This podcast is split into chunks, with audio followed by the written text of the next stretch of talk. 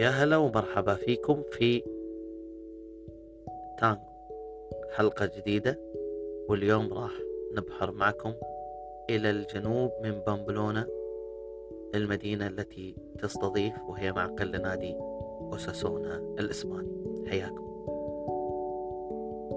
تاغونار تاغونار في جنوب بامبلونا هي المكان الذي تتواجد فيه أكاديمية فريق نادي أوساسونا ومقر التدريب لفريق نادي أوساسونا.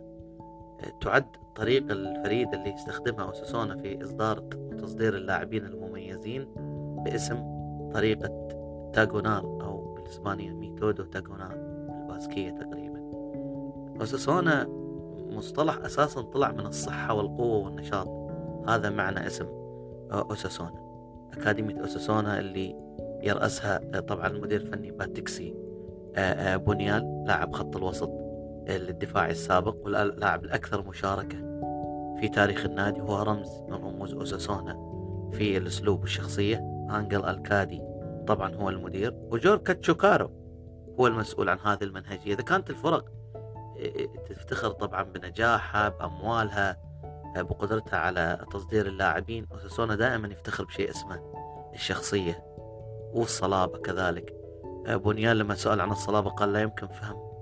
فريق أوساسونا بدون كتلة قوية وقوية من اللاعبين. عائلة نافارا لن تقدم مجموعة من اللاعبين لكرة القدم السريعة مثل غيرها من الكرة. لكن الفكرة فيها أنهم يركزون على ما يفعلونه بشكل أفضل برنامج تدريب الشباب مكون من سبعة مجالات المنهجية إدارة المواهب رعاية اللاعبين الخدمات الطبية علم النفس الابتكار والإبداع الإدارة والمرافق.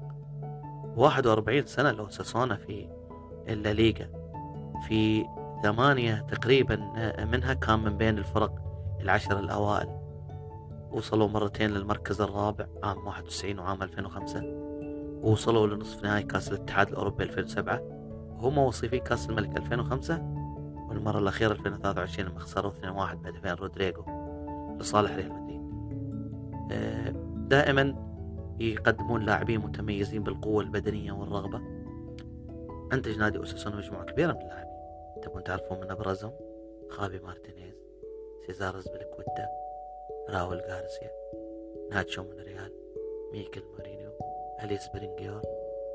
ويمكن يكون أوساسونا أكثر نادي يتعرض لخطف لاعبيه من ثلاثة أندية. برشلونة تدق بالباو في ريال 2005 لوبيز. وخافير أراسو راحوا من من أوساسونا في 2012 راح منهم إناكي ويليامز. راح البلباو 2013 كان أخوه نيكو ويليامز راح. من تاغونار من تاغونار راح لليزاما الليزاما اللي طبعا أكاديمية أو مقر التدريب فيه في بلباو. في 2014 أتلتيك بلباو خطف منهم أيضا لوك بير روبرت نافارو بعد غادر بعدين. و2015 كان مؤلم. أوهين سانسيت نيكو سيرانو. جوكن سكيتا وغيرهم غيرهم من النجوم اللي دائما يخرجون من أوساسونا. إيكر سان فيسنتي جون كارسيا إريزو وغيرهم من اللاعبين اللي راحوا. أكثر نقلة نوعية كانت بالنسبة لهم كانت في 2017 ويخطط تاغونار 2017 لبناء المستقبل لأنه لما تعرض للهبوط المؤلم عام 2014 اضطر إنه يراجع استراتيجيته. هل تعلم بأن أتلتيك بالباو تحت يده ما يقرب 150 نادي فرعي. يعني بالمجمل عنده 20 ألف لاعب. يستقبل النادي في كل موسم 700 لاعب جديد. يعمل مع 300 منهم كل أسبوع عبر سبعة مراكز للتميز حيث يوظف 20 مدرب. سوسونا أيضا من الأندية التي تعمل. قد لا يكون عمله بارز على مستوى النتائج لكن على مستوى الأسماء المميزة في الكرة الإسبانية عمله اللي كان عندنا في تانكو. نشوفكم لا تعلم الحلقة القادمة